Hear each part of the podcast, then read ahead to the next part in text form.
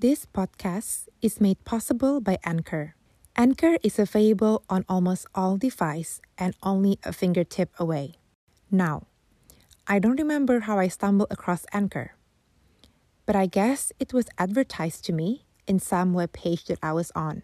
But when I found it, I was pleasantly surprised by how this app works. First, it's free.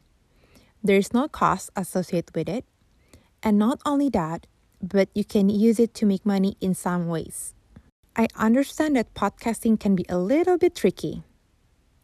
But Anchor distributes your podcast for you so you can be heard right away on Spotify and Apple Podcasts. It's basically everything you need to make a podcast in one place. So, don't forget to download Anchor app or check anchor.fm to learn more. I'll see you guys on air.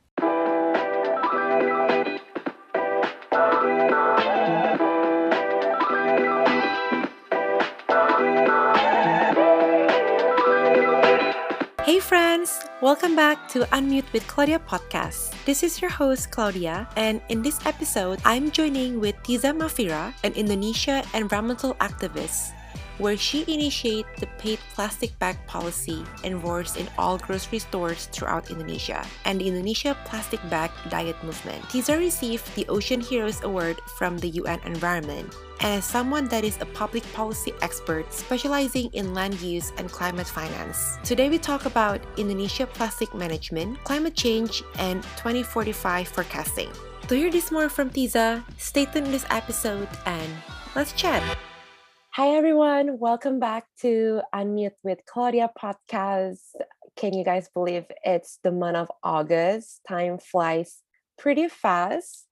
And I'm super excited to start this new month with a very exciting guest speaker. She is actually the environmental activist based in Indonesia who pushed forward Indonesia supaya bisa bebas dari kantong plastik and also the co-founder and executive director of Gerakan Indonesia Diet Kantong Plastik dan juga social director of Climate Change Initiative. Uh, without further ado, please joining me. Hi, Katiza. Hi, Claudia. Hi. Hi. Nice meeting you. Nice meeting you too. Hi, yeah, everyone. Yeah. yeah. Today we're going to talk about, you know, your life journey in this sort of social initiative where I'm really keen to know more about it and also your life experiences and your your bigger why and why you're here. But when I first found your name online, I was legit googling environmental activists in Indonesia because I'm I'm very one mm-hmm. to talk to one of the environmental activists based in Indo and sort of hear a perspective about it because my background also environmental it's very interesting and intricate when you use the word diet plastic. I think it's very iconic and signature sih. Karena kan biasa orang pakai the word diet when it relates to food or body appearance gitu kan. So I guess there must be something big behind your why of stepping to the stone. I want to know sort of what were your value growing up that you think could really lead you to this journey? How's your family? You know, biasanya kalau orang-orang yang terjebak dalam bukan terjebak sih, tapi kayak engage in environmental activities, orang punya assumption kayak, oh, lu dulu punya pengalaman yang buruk ya dengan environmental things like that. And, and I'm sure you're super aware of this.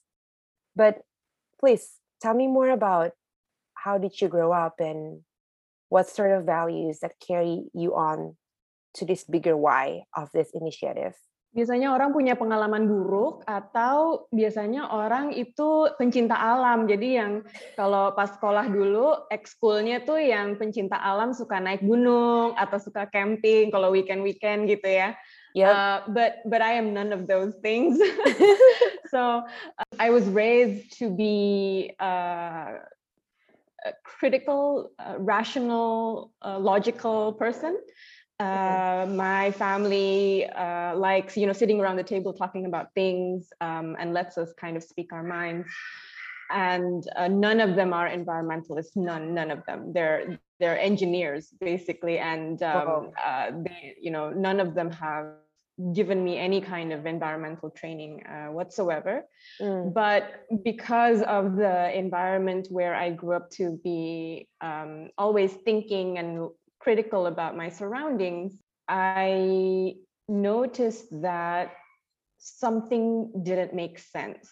I noticed that people around me were doing things that were anti logical from the very small things like um, throwing trash onto the ground seemed very illogical to me mm. when I was in junior high, just very, very, very okay. early on in, in my childhood, because it's right there. It's such an eyesore. And at some mm. point, our school got flooded, and then all the, the trash came piling up. And then I'm thinking, that that's your trash. You're the one who put it there. How could you do that to yourself you know? Mm. uh, hmm. so that's something that's kind of a micro scale um, problem but i also noticed this in other places. Um, i once traveled to kalimantan with my dad. He had some work to do there. Mm-hmm. um, and this was i think i was about 13 and then i was super excited. I thought kalimantan great that's like where all the orangutans are, the forests are. It's going to be cool. I've never been there. And I got there and we got in a, in a rental car and the entire road from the airport to our hotel, all I could see were just mountains of chopped hills, you know, um, wow. no trees. So there was a hill and then there was like greenery on one half of it and then the mm-hmm. other half was just completely bald. It had been torn apart. It had been mined. All we could see was like the bare rocks underneath the surface. This is back when? And i was shocked. This was back in 1995 wow. Okay. Yeah. I thought why would you do that you know to uh-huh. your own home? Uh, mm-hmm it's so ugly and uh, that's going to cause some problems later on that's what i thought. Yeah. And it did it really did. Mm. and this whole climate crisis that we're going through right now is an existential crisis. It's a crisis for our survival as humans. Mm-hmm. and if that's not you know something to fight for i don't know what is. Yeah. you don't even have to care for the environment. You just need to care about yourself you know? Yeah i see so what was what was the stepping? So that experience sort of the first hand for you to have the question, okay, what should I do then as a human being to save this planet? Was that like sort of a stepping point for you, that experience? It came in gradually. I just okay. became more and more and more concerned as time went by. And um, I did other sorts of things. I had other careers. I mm. worked at a law firm for six years. I worked at a consulting firm at some point.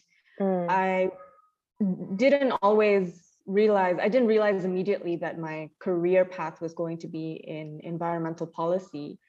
Um, mm. I did so many other things before I realized that, you know, what am I doing? This is something that needs somebody needs to do something about this somebody needs to be serious about this and yeah i could be that someone so mm-hmm. that's when i decided to uh, focus full time on environmental policy mm. so yeah i know that you're actually a lawyer gitu, and i think uh, mm. we we talk about this you work in a corporate firm that has such a different culture with this social mm-hmm. impact thing that you're currently on so back then, when you have worked with this firm for six years and consulting for a couple of years, what was the transition? I know you, I think after a law firm, you work somewhere else that focus on environmental climate change ish. Mm-hmm. So it wasn't like a really big transition for you, but I'm just curious, what was your thought process of really committing to actually swift gear and then focus more on the social impact gitu karena kan um, it's such a different culture and different industry and I guess what was the leadership experience for you in order for for you to make this or create this initiative in Indo? There's a couple of things. Uh, when I was working at the law firm for the longest time, I felt a little unsettled about a lot of things. Wow. And what do you mean by that? Because I always told my bosses, uh, you know, I'm interested in environmental stuff. If you have any clients that are doing uh, things like uh, carbon trading, that's exciting. Uh, please mm. um, hand them over to me. I'll be happy to tackle those issues. Um, you know, and then what happened was they did. They they gave me some.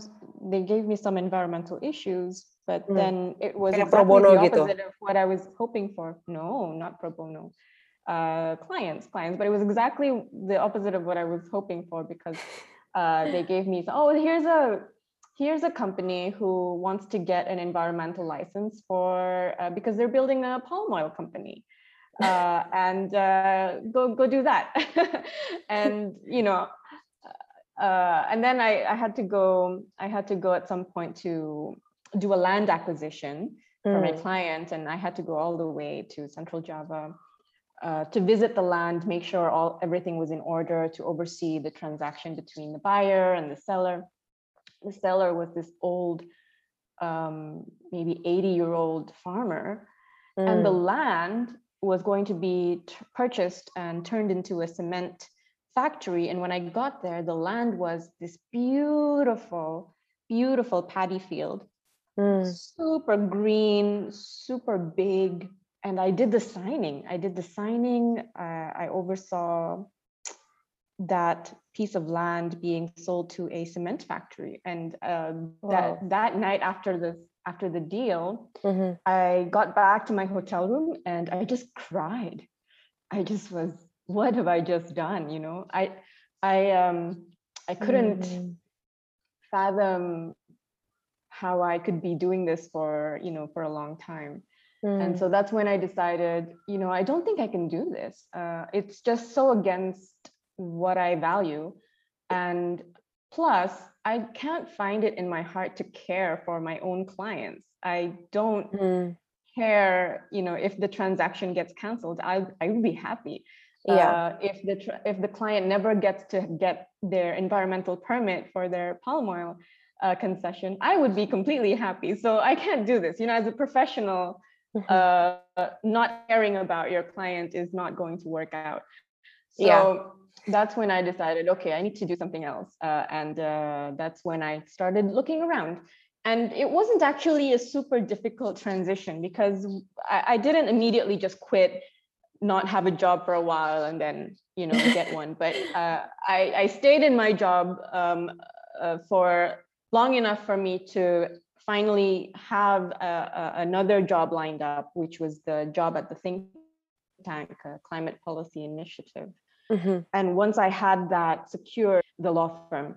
Uh, and so it was an easy transition. I didn't have any gaps where I was unemployed. Um, I managed to secure a job that uh, paid well as well, even though it's a nonprofit, it still paid well. And um, uh, uh I was really you know, I never regretted that choice. I never looked back. Wow. The reason why I'm asking this because in my head, if I think about environmental issues in Indonesia, the only quick fix to solve mm-hmm. this if you go through the public policy and governor and they and they create certain public policies in order for you to like solve these specific issues right but i know it's not that easy in indo there's a lot of um, levels to mm-hmm. finally go into that okay the public policy is made for this certain cause so i mm-hmm. guess how do you navigate that when you know that your end goal for all of these issues are for the governor to care enough to at least mm. create the policy for this. That must yeah. take a huge leadership and courage in order in order for you to do that. And I, and I'm just amazed by the fact that you're doing it. Well, let me go backwards on this story uh, and start with what we've achieved. Uh, and what we've achieved today is that 60 cities in Indonesia have banned plastic bags. And this is all because of what we've done uh, over the past eight years. Sorry, eight 66, years- you said. 60 cities. 60 cities. Okay. Yeah, some Cool. of them are provinsi, uh, some of them are kota, kabupaten. Okay. And this is all because of things that we've done over the past eight years. So th- it's been a marathon. Eight years is not a short Yeah. Wow. amount of time to commit your entire life to something. And I would not say it, uh, it's a quick fix. I think it's a big fix. So a policy, changing policy is a big fix, you know, it's Mhm. not quick uh, because it really, really takes a while uh, and it requires several tools uh, of change making uh, in order to get there. Uh, the Mhm. tools that the public does see are tools like campaigns, um, tools like um, you know social media blasts, or uh, going down to uh, the streets, um, doing a, a march demanding for plastic-free Mhm. um, policies, which we all we've done all that. Okay. But the other tools that the public doesn't see as much is the lobbying that happens behind the scenes Mhm. um, to public officials.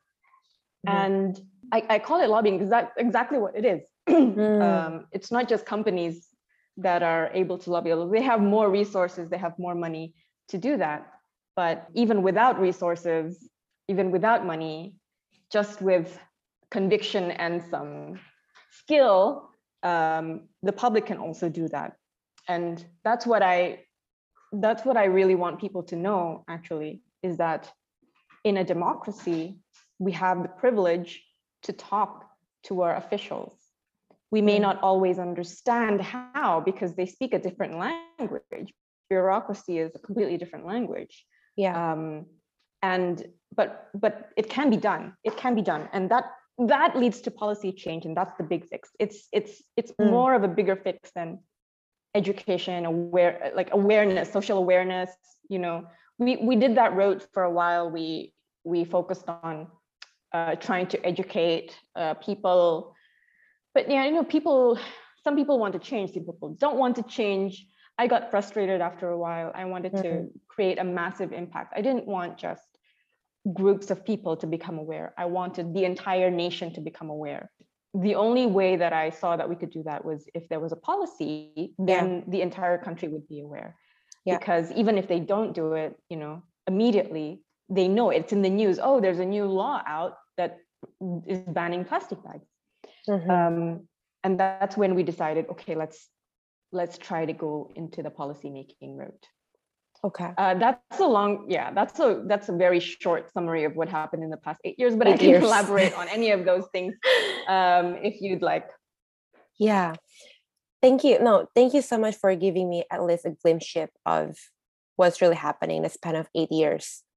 You mentioned for that duration, eight years, there's a lot of a lot of things that you and your team has created and successfully make an impact towards Indonesia better community. 60 cities has implemented this diet plastic thing. And I myself um, agree with that. So, with all of the things that you have done and you have achieved, the thing that you're doing right now, it's so different from a corporate work. Well, you're so easy to scale the impact, right? Like this thing kayak it's very like gray area. Kalau mau um, scale the success of this. So I guess what I wonder is, do you think, do yourself think that at this point you have achieved something meaningful in life? Yes, I have. Um, I wake up every day with purpose and I love my job, my two jobs, climate change and uh, plastic uh, bag diet. Mhm. Um, I, I've, in fact, I've come to a point where I care about my job so much i'm unable to decouple my personal life from my job which is a different problem but it's a vastly different problem than the problem that i had uh, when i was working at the law firm which is that i didn't care about my job mm. and i felt lifeless and numb because i wasn't i wasn't doing anything with purpose mm. uh, now everything everything i do is purposeful uh, and yeah. Uh, sometimes it you know uh, it keeps me awake at night thinking of how how else should I be doing this? You know, what else should I be doing differently? Uh, how can we make this uh, better? How can we create more impact? Um, mm-hmm. It's it's uh, it's made my life more intense, but definitely more meaningful. Yeah.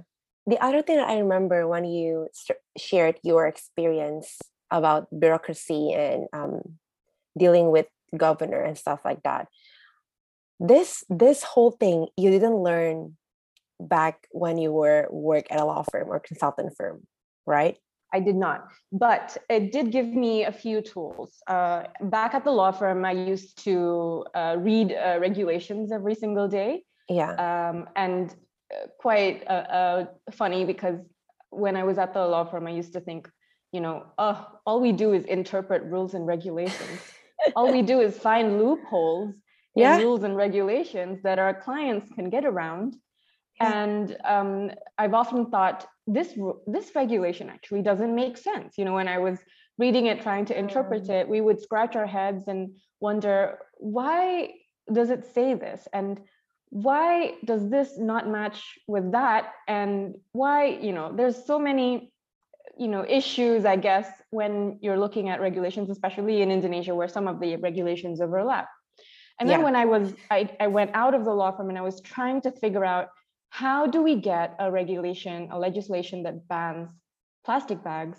Mm-hmm. That's when I was able to utilize uh, all the skills that I had um, back when I was reading all kinds of regulations and create my own law. Yeah, I would, you know, I'm exaggerating. It's not my own law, but create mm-hmm. a law, right? Mm-hmm. And and that was so liberating. It was like finally I get to exercise all these criticisms that I had in my head about mm-hmm. how regulations didn't make sense. And I was able to create um, or help create um, a regulation that, in my mind, um, very much needed to be there, but wasn't there.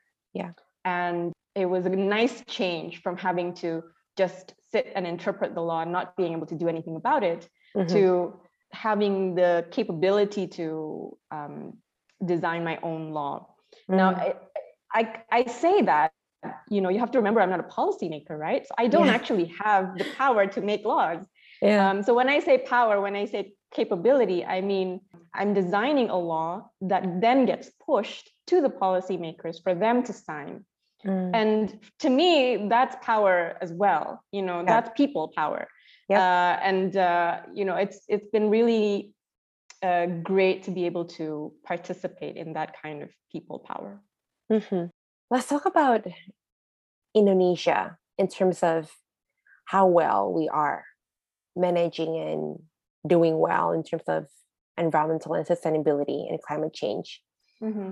What would you say in a scale zero to 10 right now, right at this moment? Six. Um, okay. We're not doing as well as we could be doing. I think that it's an ideological issue because there's a lot of technical policies that are aiming at a good thing. There's a lot of what um, are what are the one big thing that you think very disruptive in terms of this massive process of getting there in terms of sustainability and environmental and climate change? The one big thing that I said was an ideological issue is this persistent mindset that there somehow needs to be a balance between economy, between economic growth and environmental conservation. Yep. And it's so frustrating to hear public officials say, yeah, we care about environmental conversa- conservation, but we also need to balance between that and economic growth and that is completely illogical that is that mindset needs to go away there cannot be any kind of economic growth or economic activity without environmental conservation mm. um, the our very lives depend on a healthy and safe environment. Mm-hmm. Until we get to that mindset, until everybody who's in our government understands that the very foundation of any kind of social or economic growth is a healthy environment, then we won't be able to get forward because they're constantly trying to check boxes, you know, check yeah. boxes. Okay, we have this environmental policy, we have that environmental policy, check. And on the right box, we have this mining concession, we have that coal generation, we've got electricity from coal, check, check, check. It's yeah. always they're constantly trying to balance these two things. What happens when you balance those kinds of things is that you cancel out you cancel out the gains um, made in environmental conservation. That's what what's happening now uh, in Indonesia. You have uh, officials announcing, yeah, we're totally pro environmental uh, issues. We're totally pro on uh, renewable energy. We have a target for renewable energy um, electrification by 2025, by 2050. But then on the other hand, they also have all these targets for coal. They have mm. coal production targets, they have coal export targets, they have, they're still building coal power plants. It doesn't add up. Mm-hmm. Um, and we're, we're, we're just moving in the same spot. So that's that's what I mean by when you're balancing is not gonna cut it. Balancing is the wrong way to think about it. So do you think that environmental never can be associated with improving GDP in a way? I don't think that the GDP is a very useful metric for progress. Uh, the GDP only measure, measures um, all the income that is generated by a country, all the income that is generated, all the monetized income that is generated by a person or an activity in a country. Mm-hmm. It doesn't value forest growth. It doesn't value um, work done by uh, breastfeeding moms, for example. That's a value, right? Yeah. I mean, yeah. Uh, if there are no healthy babies in a country, mm-hmm. um, then we're doomed. But it's not measured as GDP. On the other hand, if you were a drug dealer and I bought drugs from you, that is measured into GDP, right? So mm-hmm. it is a really problematic measure of progress, I think. And I would prefer that we measure progress using other metrics, um, uh, and especially environmental capacity metrics. Mm. How would you measure that, for instance? Well, if one uh, example that's very relevant to the climate crisis is mm. to monitor, constantly monitor our um, emissions peaks. Mm. Uh, how much emissions are we emitting? We have uh, like a quota actually yeah. there's a planetary quota for emissions right mm-hmm. if we exceed that quota then we're closer to uh, th- 3 degrees celsius 4 degrees celsius warming um, very soon so if we constantly monitor that that's a measure of progress if every country were to measure that and say okay we need to we're we're getting close to our quota we need to to um, uh, push back uh, we need to limit again the emissions that we're emitting, that would be very useful.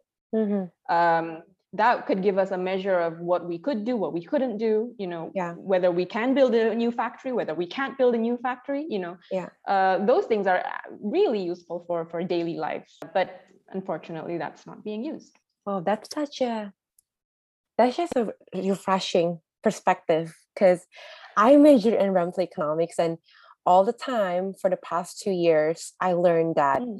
it is very possible for a public policymaker to support environmental issues and at the same time gaining revenue and focusing on GDP. But that's such a very interesting perspective when you when you mention that and I just have that thoughts in my head. I should I should think more about what you just shared with me. But these days especially uh, ya kayak di Jakarta and, and, and Indo a lot of the restaurants kayak couple of my friends make this business yang kayak buat tempat makan dari plastik bambu yang recyclable utensils fork dari bamboo and all that one question is i know the production cost is super expensive right there's more that the manufacturer spend on producing those those products compared to a normal utensils and all. Does that really help the environment? Um, I think that single use items, disposable items, where disposable items are not necessary, does not help the environment. Our environment is at the piteous state that it is in now because of overconsumption in general, overconsumption of everything. Yeah. Um, and uh, nowhere is it more obvious than our consumption of just daily retail stuff, mm-hmm. consumption of clothes, consumption of, um, th- and you know, and I say obvious because when we buy these things, we don't actually need them.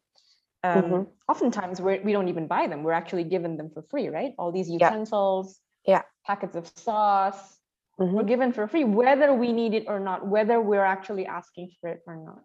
Yeah. A lot of this consumption is, again, illogically mind. It's mind-bogglingly illogical because it's not needed, and yet it is so disruptive to the environment. Mm-hmm. Um, did you know that um, spoons and forks, utensils, uh, plastic utensils, uh, about 99% of the time, nobody ever orders them. Nobody ever needs them because people order from homes or their office. They, they already have utensils at their homes and their offices. And mm. very rarely does somebody, you know, order for somewhere and then they're in the middle of the road and they don't have any utensils with them. That's very, very rare. So mm-hmm imagine all those spoons and forks that are being handed out through those Gojek and Grab uh, food delivery. Mm-hmm. Only 1% is ever, ever, ever needed. And that's just crazy. Like 99% of all this will end up in the trash bin without ever getting used. Why do we do this to ourselves? You know? Yeah. Um, a lot of the trash that we find in coastal um, areas around the world. There was actually research about this. There was a beach cleanup of 30 in, in 30 countries um, mm-hmm. Uh, done at the same time uh, or around at the same time. And it was mm-hmm. specifically, it was a, it was it's called a brand audit uh, beach cleanup. So it's not just a cleanup, but they also look at what brands they find uh, littering the beach. This is organized by uh, uh, an alliance called the Break Free from Plastic Alliance. Mm. And they found that the brands most found littering the beach are Coca Cola and Pepsi. Now, mm. Coca Cola and Pepsi are actually things that are harmful to our death, uh, our our bodies, right? It's yeah. um, a calorie bomb. It's just fizz and sugar. Mm-hmm. And sure, I mean, some people enjoy it. Great, that's fine but it's certainly not necessary for our lives. Yeah. Um, it's not an essential item. Yeah. And yet here we are stuck with its trash in mm-hmm. more than 30 countries around the world. Why do mm. we do this to ourselves? You know, that's what I find mind boggling. Um, and so, okay, back to um, utensils, right? Great. It's great that there are alternatives like bamboo utensils that are fully decompostable mm-hmm. uh, that you can just compost uh, in your garden at home and it goes away great yeah. but do we even really need that in the first place that's a good question yeah would it hurt just to not give utensils at all mm-hmm. you know that that's the first thing that we have to to aim for a world where we get rid of all these so do, you're not supporting about you know people producing this massive bamboo there might be made. some need for it there might be some need for it for places where you have i don't know uh, where you're in a in a in a hospital setting for example mm-hmm. where everything needs to be single use because there's a risk of contamination from other patients you know uh, those kinds of settings yes they do need disposable items um, mm-hmm. so there is a need to have more kind of um, innovation in that area. Mm. I, I, don't think every single aspect of our lives needs to have single use disposable items. Okay. What about? Plus, um, I'm also cognizant. I, I get these utensils a lot. These bamboo utensils. Um, Yeah. Uh, increasingly now, Hmm, and some of them are wrapped in plastic, which is the same thing. yeah, Yeah. pointless. And plastik kan yang paling sekali pakai itu kan yang paling susah didaur ulang kan ya. yeah. Yeah. The use of recyclable plates or utensils doesn't really help. What about green bonds? Kayak sustainable finance gitu. Oh, this is a Um, completely different topic. Uh, Okay. Yeah, go on, go on, go on, go on.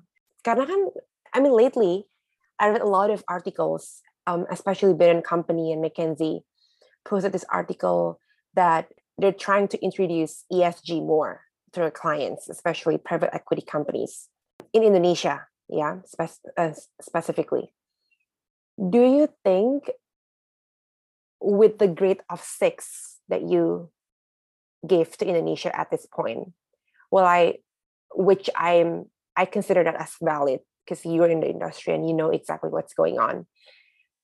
With the grade of six that we have, do you think we should even consider bigger steps like joining green bonds and sustainable finance and ESG, all this stuff? Or should Indonesia just focus on some, mic- some micro steps first instead of companies trying to not be formal with the US companies or the European companies. Yang dimana these companies are right now very big into ESG and green bonds. Any thoughts on that? we have to attack the current economic system from all angles. So I consider the financial system to be a very crucial point for reform. I agree. So any type of effort to green the financial system is an important effort. Mhm.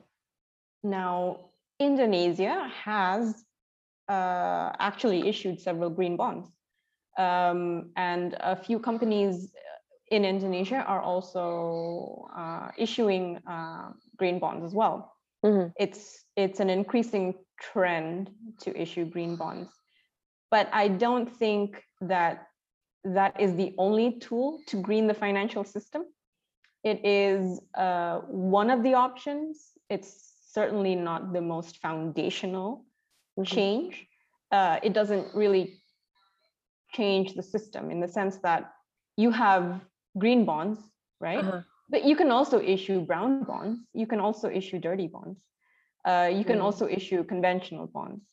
You know, Okay. it's just it's a free market. You can you can issue any kind of bonds you want. The difference is if you issue green bonds, then um, you're kind of catering to uh, green-minded investors who only want to buy obligations for uh, green projects, right? Who Mhm. only want to invest in green projects. That's Mhm. that- that's who you're catering to. Uh, you issue other bonds, then that's kind of like the plain vanilla investors that you're catering to. Yeah. Um, what we really need to do to shift the financial system is make sure that all bonds that are issued are only green bonds. You can't issue other kinds of bonds. Then that would change the system. Then people would be like, oh, damn, Mm. we can't issue bonds unless they're for green projects. That means we only we can only design green projects. You know, then that would change the system. Um, another another uh, you know uh, effort that's currently being pursued and that's catching on is uh, just plain credit, plain loans. Yep. Um, there's an effort to tell banks, listen, you cannot finance, you cannot provide loans to fossil fuel projects. Mhm. Huge effort. There's demonstrations in front of Swiss banks happening, demonstration in front of you know big multinational banks Mhm. uh, like HSBC or you know uh, where or Standard Chartered or whoever whatever uh, where where people are saying don't issue credit, don't finance um, Mhm. fossil fuel industries, and that's gaining traction. There are more and more banks that are announcing that they're they're pledging not to issue uh, uh, credits for for Green bonds. um, for no for for fossil fuel for coal Okay. uh, f- exploration for coal um, power generation projects and it's going to become increasingly difficult for um, companies that are trying to build uh, coal plants to get financing because they're not going to get any loans from the banks. So Mhm. that's going to be helpful. That's what I call greening the financial system. Um, we have to think. We have to think on a big scale, macro scale uh, basis uh, when we're talking about um, greening the system, any kind of system. You know, it could be the financial system, it could be trade systems, Mm. it could be a retail system, Yeah. manufacturing, all kinds of systems. Yeah, we have to think big. Um, you engage in plastic management and plastic diet and um, activities day day to end. So, I guess I'm just thinking gitu. Ideally, in order for us to solve any kind of climate issues, especially plastic management issues, we have to stop the use of plastic, right? And plastic production. But I'm just thinking of the side of the job employment side.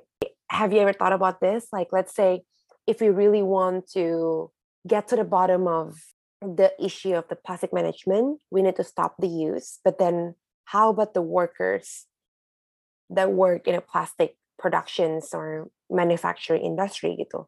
It's like I watched this Seaspiracy movie on Netflix. I'm not sure if you ever watched that movie before or not, but that movie sort of tells us that we need to stop consume fish especially sushi because that's that's the bottom cost of what's really happening in our ocean but i don't think that's an ultimate solution for its costs especially when it comes to climate change and all of these natural problems.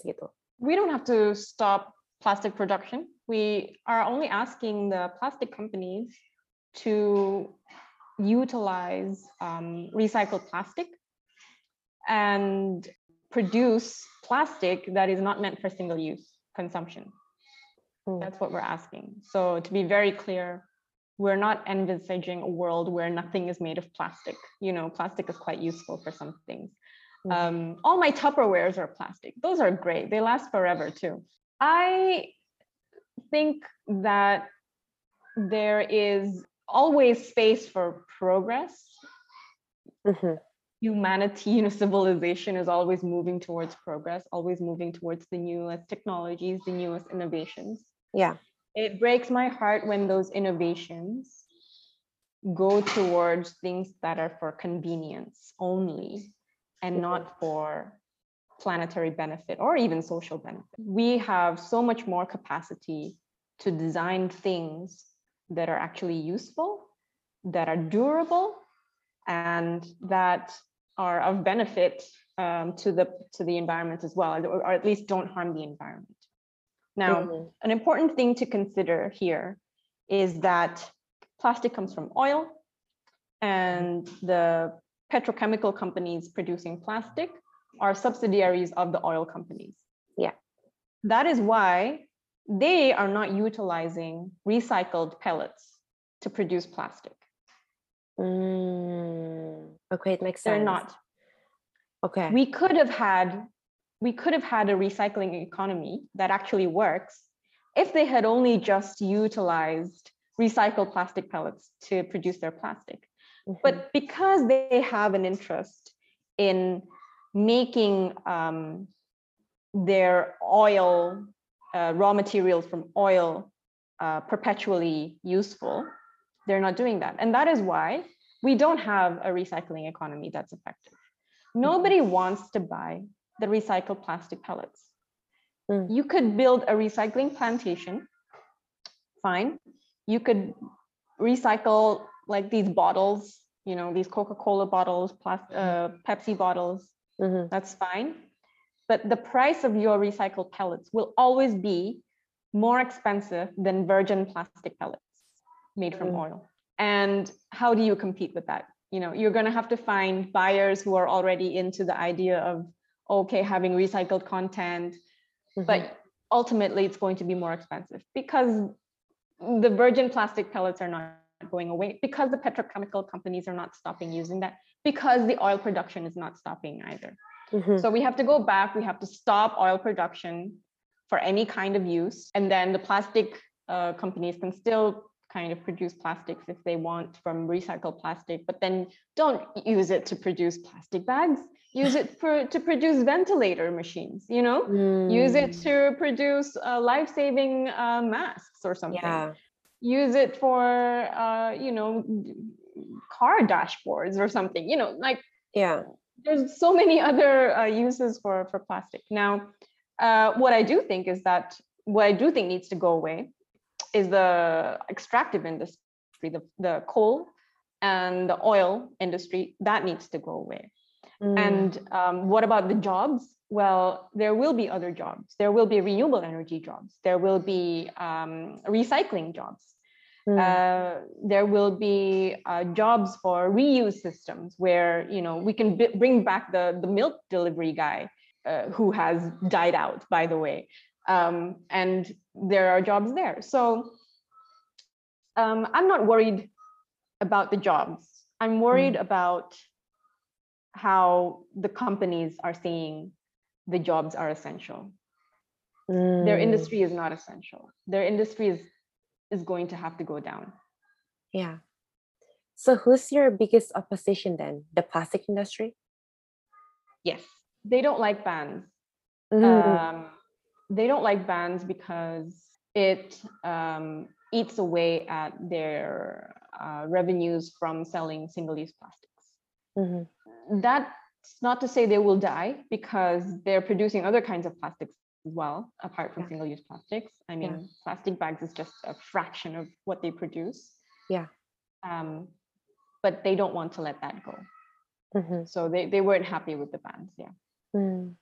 And I also heard that Indonesia is still importing recycled plastic. No, we're importing plastic. Uh, sorry, we're importing plastic.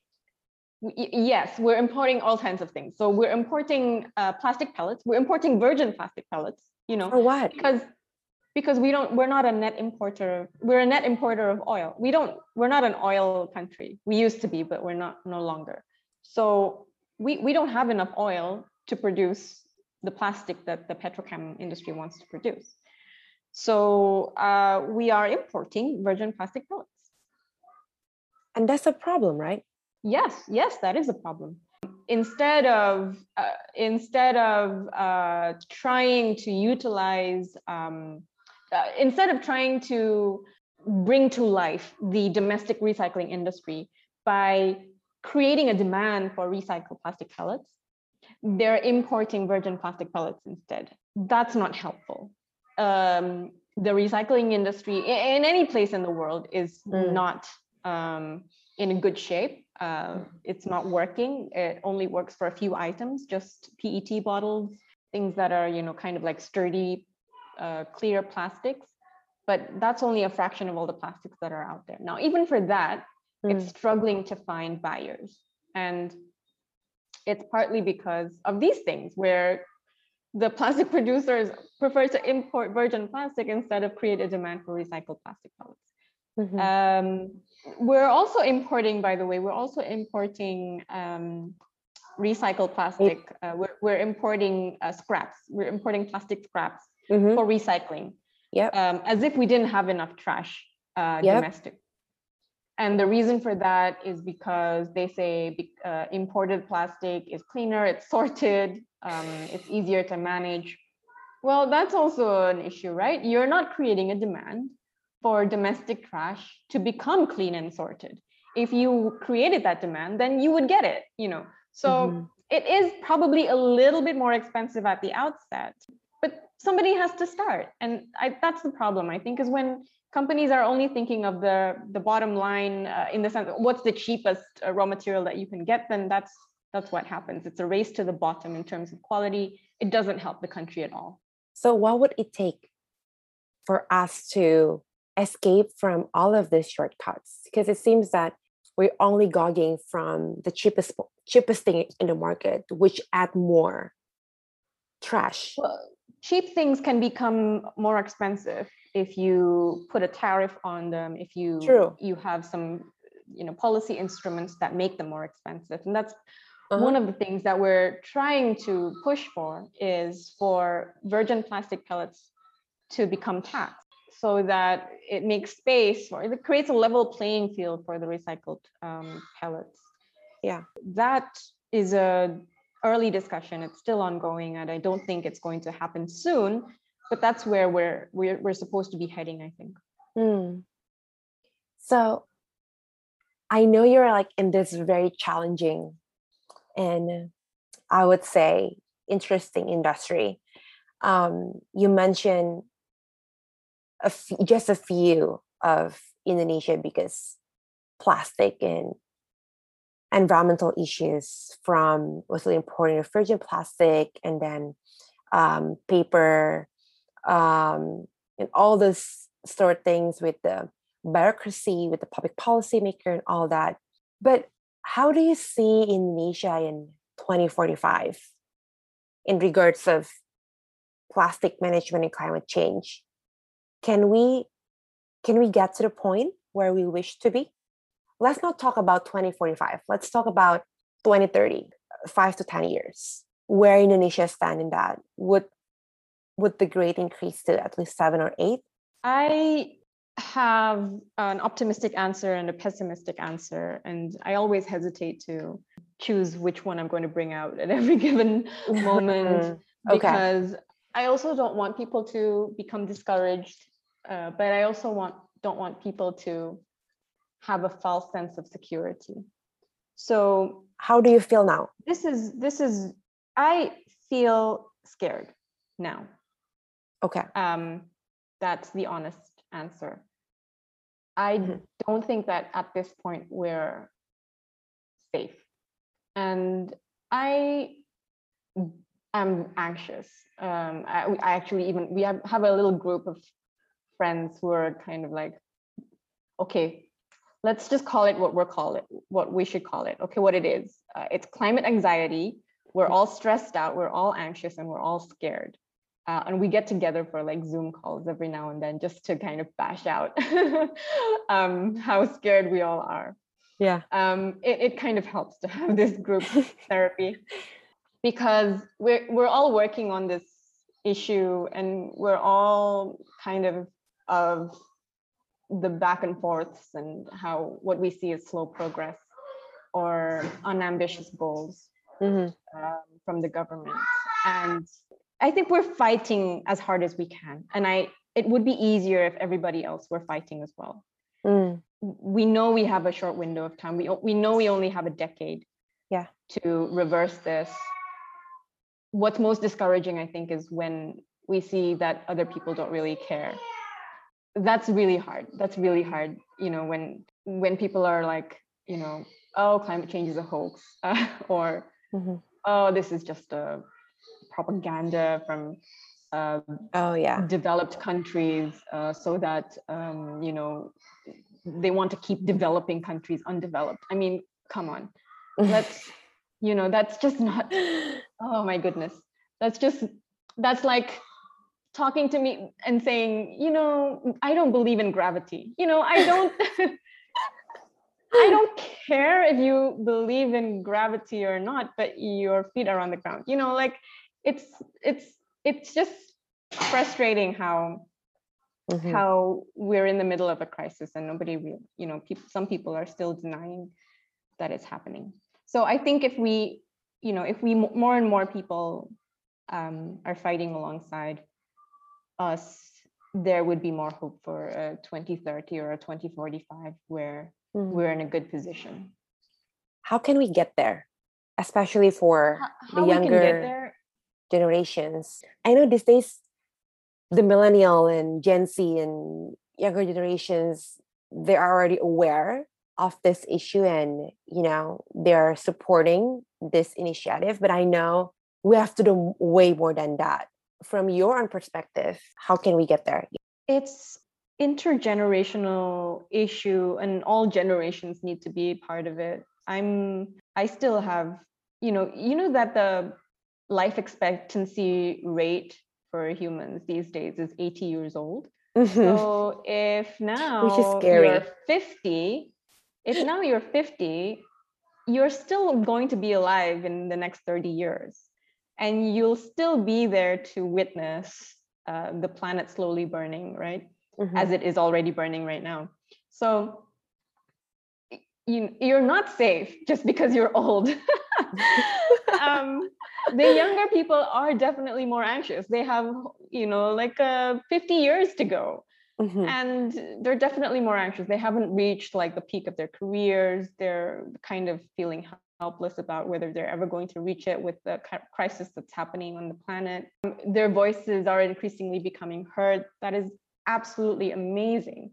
Now, what needs to happen is that then they'll go and infiltrate every single corner of every single profession imaginable on the planet Mhm. and they turn that profession green. That's what we're doing. Those of us who are already working, that's what we're doing. Okay. I was a lawyer. I used my knowledge as a lawyer to change policies, Mhm. uh, to change legislation. Uh, some of my friends, they come at it from all kinds of angles. Some of them are communications experts. They design campaigns that are catchy. Some of them are restaurant owners. They decide they're never going to use single use um, packaging for any of their deliveries. Some of them are, you know, I don't know, maybe accountants, like even the most boring profession. They're Mhm. deciding, okay, I want to work for uh, an NGO um, and I want to uh, focus on how to do um, a natural resource accounting, you know, so that we are able to keep tabs on how much uh, natural resources are available out there and how much are being depleted. You know, Mhm. every single profession imaginable. If we can, if we can uh, insert our new ideology into, you know, uh, this the economic system, Mhm. um, I think we'll be able to see change. But until we do, you know, it's going to be really slow and painful. So, what's your what's your game plan in continuing this sense of urgency? What's your hope, I guess, for Indonesia and for the younger gen- generation? We're ramping up our networking. We're collaborating more tightly with each other, you know, across different organizations and communities. Mhm. things are converging in, onto the climate crisis. Even the plastic uh, problems have its roots in oil extraction, and that is um, contributing a lot to the climate crisis. So everything kind of converges on the climate crisis. If we're fighting for the planet to survive, then everything that we do uh, will have a contribution to reducing the impact of um, global warming. So when I say ramping up our collaboration and networking, it's not easy because we're talking about people who are, you know, focused on fighting um, for deforestation, talking to people who are focused on um, installing solar panels. You know, it's it's like a Mm, different, really different skill set, but we have to collaborate somehow because Uh-huh. we're fighting for the same thing. And uh, you know, if if we do this in a concerted fashion, I think we'll be able to change leadership in the country. I think we'll be able to uh, try to vote for somebody who really understands how big of a crisis this is mhm. um, I think maybe some of us might be able to be the leader, or um, you know, it, it's still like a, it's still like we're thinking, what what do we do in one year? What do we do in five years? What do we do in ten years? Uh, it's going to be long stretch, but Mm. we we need to have these small milestones and these big milestones. Mm, Um, I don't have like one game plan. I have ten. Um, wow. yeah. Exciting. as I listen to your story and aspirations and your involvement in in this initiative, I can totally see that you're very aspirative. You're you're very ambitious and visionary in terms of your goals for this cause and also Indonesia. What what is or what are the values that you think help you carry on to this day? Because all of this mindset and all of this ideas and grit and perseverance, this doesn't comes overnight, right? Mm. So I guess because most of the listeners that listen to this podcast are in their 20s and 30s and they're trying to figure it out, you know, they're still in their first job out of college. They're still trying to figure it out um, the business that they want to make or what sort of passion that they um, really want to pivot. So I think it will be very helpful if you, if there is values or anything that help you to this day. My only value, I think, is that I want to survive, um, and that's a great values. Yeah, life skills. I think. I think um, I think people can relate to that, hopefully. Uh-huh. Um, and uh, you know, I think it's more than so. It's hard to think of surviving on a planetary basis when maybe you're trying to just get by on a day-to-day basis. Um, when you're just thinking of what to eat, you know, today, one day to the next, and a lot of people in our country in Indonesia are living in those conditions.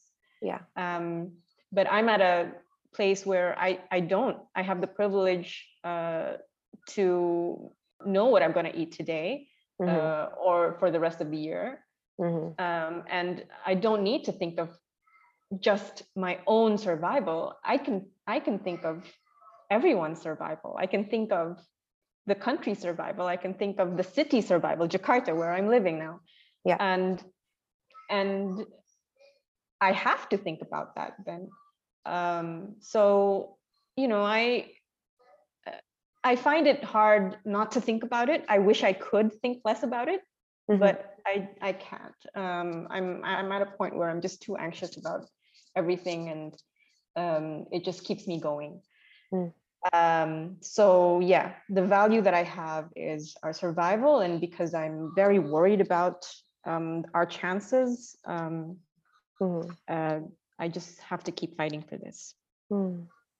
oh and um, recently you also have a documentary or movie yeah i am we're launching mm. Pulau yes. Plastic mm. congratulations for that thank you yeah i i watched there's the... two there's two documentaries that i uh-huh. have participated in the first, uh, the recently launched one Pulau Plastic, Plastic. is homegrown. It's produced here mm-hmm. in Indonesia. Everybody's yeah. Indonesian. Uh, the other one that I was part of is called Story of Plastic. It was launched in 2019. It's made by uh, American filmmakers and directors, uh, wow. and it's got a global scope. Mm-hmm. And the most exciting thing is that it was just nominated for an Emmy Award for outstanding Whoa. writing in a documentary. Oh um, oh my god! Congrats! Yeah, so, it's good. You you guys should check out those two movies. yeah, yeah. Even like when I when I watched the trailer, uh, uh, the the trailer for Pulau Plastic, um, it was very eye-opening but also disgusting so are there any next um, event or campaign that um, we could all tune in from CPI or any sort of organizations that you're in? Got. Right now, we we uh, Plastic Bag Diet uh, is having a campaign uh, to uh, demand for options for less plastic packaging when we're online shopping. It is uh, okay. A major frustration for a lot of us during mm-hmm. the pandemic because we're all stuck at home yeah. we have no choice but to do our shopping online we're so grateful that we can actually do shopping online you know like mm-hmm. the all the e-commerce companies have been like a super huge blessing in yeah. that regard but also we're frustrated that it has to come with so much plastic packaging when mm-hmm. we were mm-hmm. out there shopping you know physically we had the choice. We we could bring our own bags. Uh, we could sit at a restaurant and say, no, I don't want to use a straw. Yeah. Um, but when it comes to shopping online, nobody gives us that option. We are like they're completely powerless Mhm. um, to choose what kind of packaging comes to our homes. Yeah. And that's what we want to change. We want them to give us options. Um, Mhm. Like there's so many packaging that doesn't have to be plastic. Even bubble Yeah. wrap doesn't have Oh, to be bubble plastic. There's so many kinds of different materials, you know, that you can just stuff it with newspaper or something. There's just so many options that doesn't have to be plastic, but they're not they're not giving us those options. So if you Mm. want to participate, um, you can check out our Instagram. It's at Yes, I would- Indonesia. Yep. Yeah, I would link it all Um, in great. The Uh, description it's below. called Pawai. It's called Pawai Bebas Plastic. We used to do the Pawai Bebas Plastic, uh, you know, on the on the streets, but obviously we can't do it, so we're doing it online.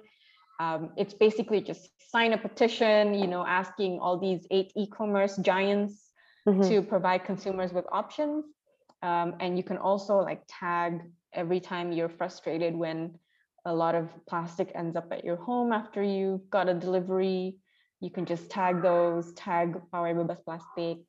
Or you can also Nice. just showcase solutions. So when you have like a favorite vendor who's always great, never gives you um, too much packaging, always puts it in like nice uh, compostable cardboard or something Like a shout out. you can also tag that and say thanks like this is exactly what we need why don't and then why don't e-commerce companies uh, all do this kind of thing so that's you know all kinds of things you can do Awesome. Well, the conversation has been super engaging and super powerful. I I even learned so much from your sharing, Katiza. Mhm. So thank you so much for being so open with the story and really what is happening in Indonesia. We really hope that this conversation could somewhat resonates with the listeners and we could help you. Um, and I think this is the, the biggest homework for Indonesian to to really be the game change for environmental and climate change, especially plastic management. yeah thank you so Thank much for you. having me and i hope this was useful and i hope you know It is, yeah. um, we can kind of like fight on fight this together Us together, yes. Well, you can count me in. I'm already like great supporter. great sold 100%. I hope I can see you thank soon. you Okay. yes bye. Bye. Thank you all for listening to this Unmute episode. Don't forget to follow this channel and share it with your friends too. And also, feel free to hit me up on Instagram at Claudia H. Johan. Unmute Podcast, let the brain sparks begin. See you!